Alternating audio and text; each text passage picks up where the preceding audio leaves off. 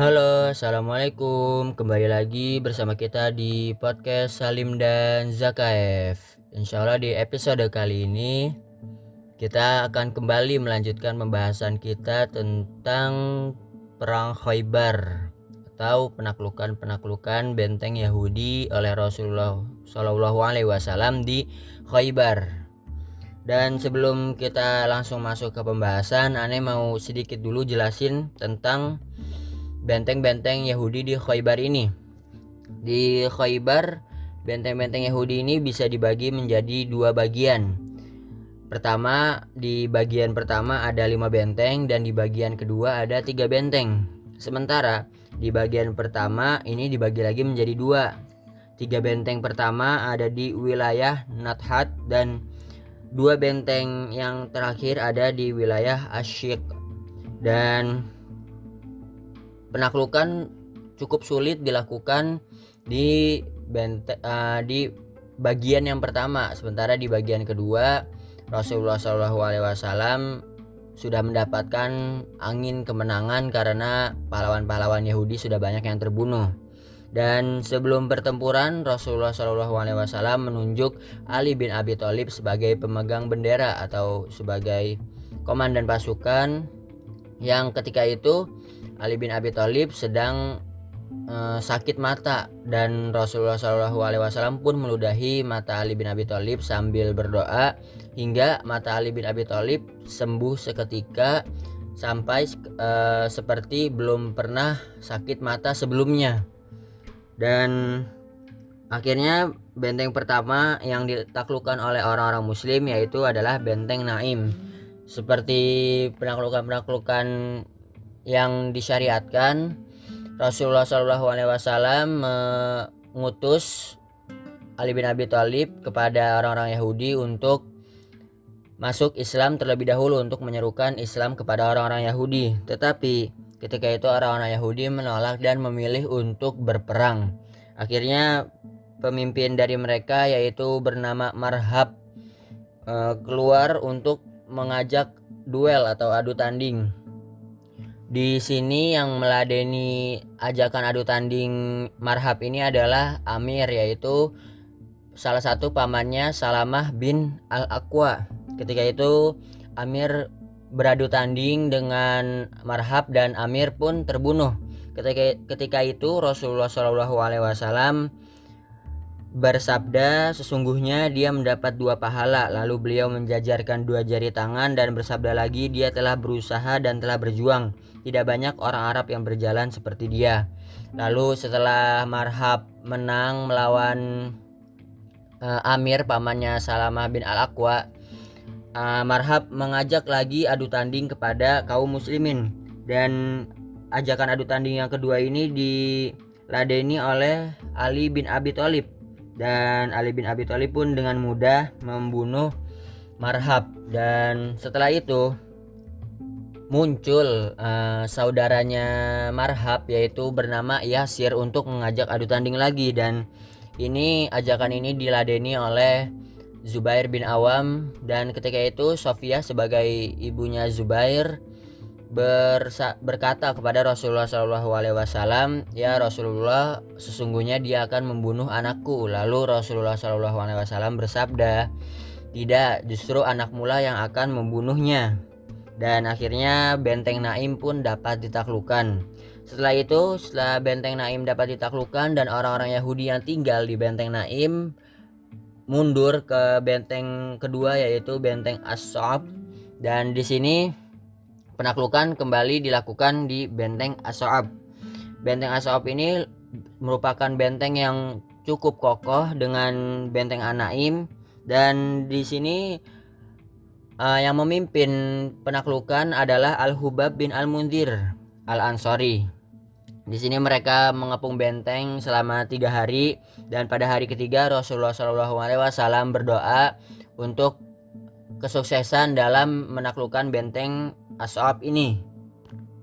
Dan di benteng Asop ini adalah benteng dari benteng-benteng yang lainnya yang paling banyak makanannya dan paling gemuk hewan-hewan ternaknya dan di sini pula di benteng Asob ini kaum muslimin ketika berhasil menakluki benteng ini menemukan beberapa manjanik dan dababah yaitu alat untuk menaklukkan benteng pada zaman dahulu lalu selanjutnya ketika kaum muslimin dan Rasulullah SAW berhasil menaklukkan benteng Asob dan benteng Naim lalu melanjutkan ke benteng Az-Zubair.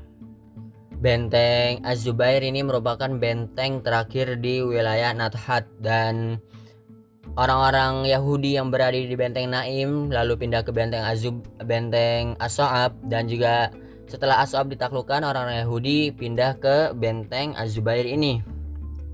Dan ketika itu benteng Az-Zubair ini merupakan letaknya ya letaknya cukup sulit untuk ditaklukkan karena benteng Az-Zubair ini terletak di puncak bukit yang di mana pejalan kaki ataupun penunggang kuda pun susah untuk naik ke atas bukit itu. Dan benteng Az-Zubair ini juga punya sumber mata air dan sumber makanan yang bisa mereka dapatkan ketika Rasulullah SAW melakukan pengepungan dan ini pun uh, letak ben, letak sumber makanan dan minuman ini Rasulullah SAW ketahui ketika sudah melakukan pengepungan. Ketika itu ada orang Yahudi menemui Rasulullah SAW dan mengatakan bahwasanya intinya ya kalau misalnya Rasulullah Shallallahu Alaihi Wasallam dan kaum muslimin tetap melakukan pengepungan seperti ini, maka ini akan menjadikan pengepungan yang sia-sia karena orang-orang Yahudi di dalam benteng Az-Zubair masih aman karena mereka masih dapat pasokan makanan dan minuman. Lalu orang Yahudi itu memberitahukan di mana letak posisi sumber makanan dan minuman dan akhirnya kaum muslimin pun segera merebut sumber makanan dan minuman tersebut dan cukup mendapat perlawanan yang sengit dari orang-orang Yahudi untuk mempertahankan sumber makanan dan minuman tersebut. Dan akhirnya Rasulullah SAW dan kaum muslimin pun berhasil menaklukkan benteng Az-Zubair yang tidak lama dapat ditaklukkan setelah menakluki sumber makanan dan minuman milik orang-orang Yahudi di benteng Az-Zubair. Nah, Aneh sampai benteng Az-Zubair dulu untuk selanjutnya akan dilanjutkan oleh Lutfi. Silakan Pi, lanjut Pi. Oke, Bu, Aneh lanjutin.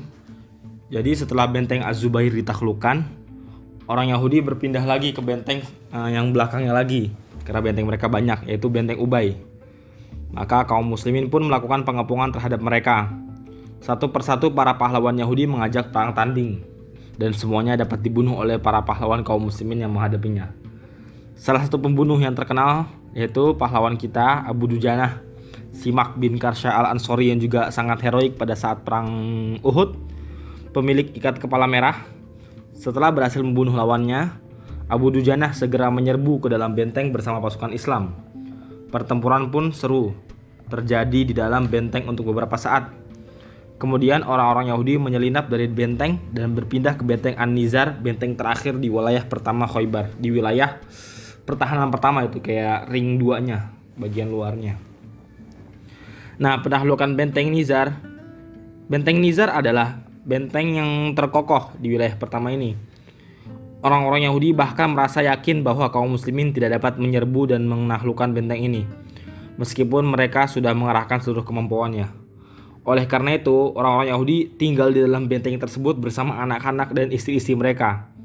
Hal ini tidak mereka lakukan pada empat benteng sebelumnya. Kalau benteng-benteng sebelumnya itu mereka yang benar-benar kayak menjaga sendiri gitu. Kalau di benteng Anizir ini mereka bareng sama anak-anak mereka dan istri-istri mereka. Kaum muslimin pun melakukan pengepungan secara ketat terhadap benteng ini dan melakukan tekanan secara keras terhadap mereka. Kaum muslimin tidak mendapatkan jalan untuk menyerbu benteng ini karena terletak di atas bukit yang tinggi. Sementara itu, orang-orang Yahudi tidak berani keluar untuk berhadapan langsung dengan kekuatan kaum muslimin. Namun, mereka tetap melancarkan serangan terhadap kaum muslimin dengan melepaskan anak panah dan melontarkan peluru-peluru batu, kayak batu-batu gitu. Nah, karena benteng An-Nizar terasa sulit untuk ditembus oleh kekuatan kaum muslimin, maka Rasulullah Shallallahu alaihi wasallam memerintahkan untuk memasang manjanik. Manjanik itu kayak pelontar batu tuh yang kayak di film-film. Dengan alat tersebut, kaum muslimin berhasil merusak dinding-dinding benteng, lalu menyerbunya. Peperangan seru pun terjadi di dalam benteng. Lalu orang-orang Yahudi mengalami kekalahan telak karena mereka tidak dapat menyelinap ke dalam benteng ini seperti yang dapat mereka lakukan di dalam benteng-benteng yang lain. Bahkan, di antara mereka ada yang melarikan diri dari benteng ini, meninggalkan istri-istri dan anak-anak mereka untuk kaum muslimin. Dengan ditaklukannya benteng yang kokoh ini, maka selesailah pengepungan wilayah pertama di Khaybar, yaitu wilayah Naltoh dan Ashik Sebenarnya di wilayah ini masih terdapat beberapa benteng kecil lain. Namun dengan ditaklukkannya benteng Nizar yang kokoh ini, orang-orang Yahudi meninggalkan benteng-benteng kecil itu dan melarikan diri menuju wilayah kedua dari Khaybar. Nah, setelah wilayah pertama ditaklukkan, Rasulullah Shallallahu Alaihi Wasallam mengalihkan sasaran ke penghuni Al-Katibah Al-Wati dan As-Salalim, itu benteng-benteng wilayah pertama, ring 1, dan juga benteng Abul Hakik dari Bani Nadir. Orang-orang Yahudi yang kalah dan melarikan diri dari NATO dan Asyik bergabung dengan penghuni benteng-benteng tersebut dan bertahan di sana. Akan tetapi ini, para pakar sejarah Islam berbeda pendapat apakah di dalam benteng terakhir nih, benteng yang ring satu yang tadi Al-Katibah, Al-Wati dan As-Salim dan benteng Al-Hakik itu terjadi pertempuran atau tidak masih diragukan kisahnya gitu. Ada beberapa yang mengatakan terjadi pertempuran, ada yang berkata tidak.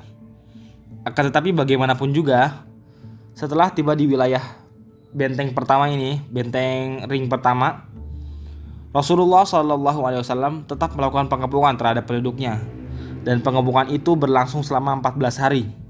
Sementara itu, orang-orang Yahudi tidak keluar dari benteng-benteng mereka, sehingga Rasulullah Shallallahu Alaihi Wasallam hampir saja memasang manjanik untuk menggemur mereka.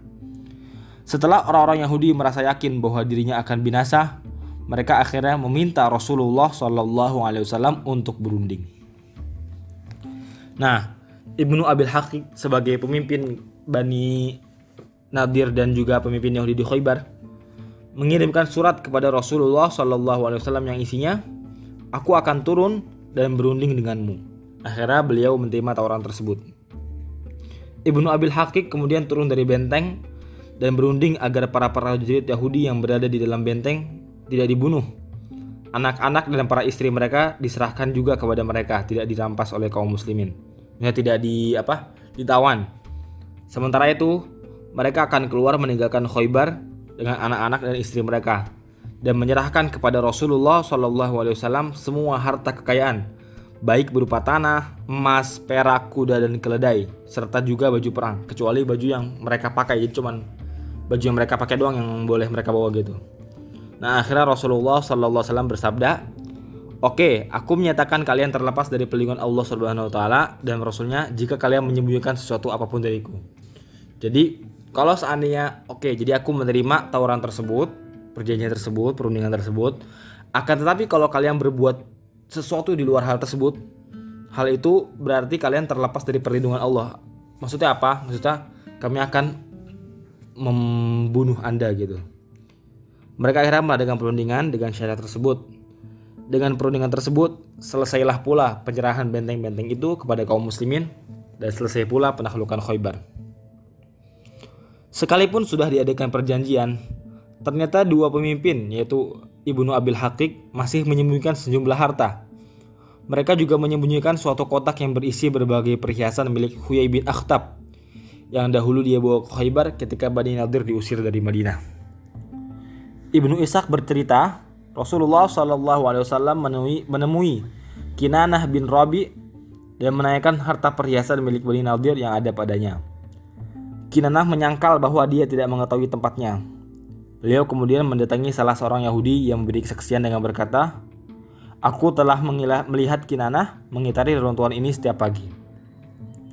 Rasulullah Wasallam berkata kepada Kinanah lagi, Bagaimana jika kami menemukannya ada padamu? Apakah aku akan membunuhmu? Boleh, jawab Kirana. Beliau kemudian memerintahkan untuk menggali reruntuhan itu dan berhasil mengeluarkan sebagian harta kekayaan yang ditimbun oleh Kinanah tersebut. Beliau menanyakan lagi sisanya kepada Kinanah, namun Kinanah tetap tidak mau memberikannya. Beliau menyerahkan diri Kinanah kepada Azubair bin Awam seraya berkata, Siksa dia sampai kamu dapat mengambil apa yang ada padanya. Az-Zubair menyelutkan api di dadanya sehingga hampir siap membakar dirinya. Jadi kayak interogasi gitu, interogasi paksa. Beliau kemudian menyerahkan Kinanah ini kepada Muhammad bin Maslamah. Dan Muhammad kemudian memenggal leher Kinanah sebagai pembalasan atas terbunuhnya Mahmud bin Maslamah saudaranya. Mahmud ter Mahmud sendiri terbunuh di bawah dinding benteng Naim pada saat pengepungan Khaybar karena dilempar oleh batu gilingan dari atas saat berteduh di bawah benteng tersebut. Ibnu Qayyim menyebutkan bahwa Rasulullah Shallallahu Alaihi Wasallam memerintahkan untuk membunuh dua anak Abul Hakik tersebut dan orang yang mengakui bahwa keduanya telah menyembunyikan harta kekayaan adalah keponakannya sendiri. Rasulullah Shallallahu Alaihi Wasallam juga menawan Sofiyah binti Huyai bin Akhtab yang saat itu baru saja melangsungkan pernikahan dengan Kinanah bin Abdul Hakik. Pada episode kali ini cukup sekian.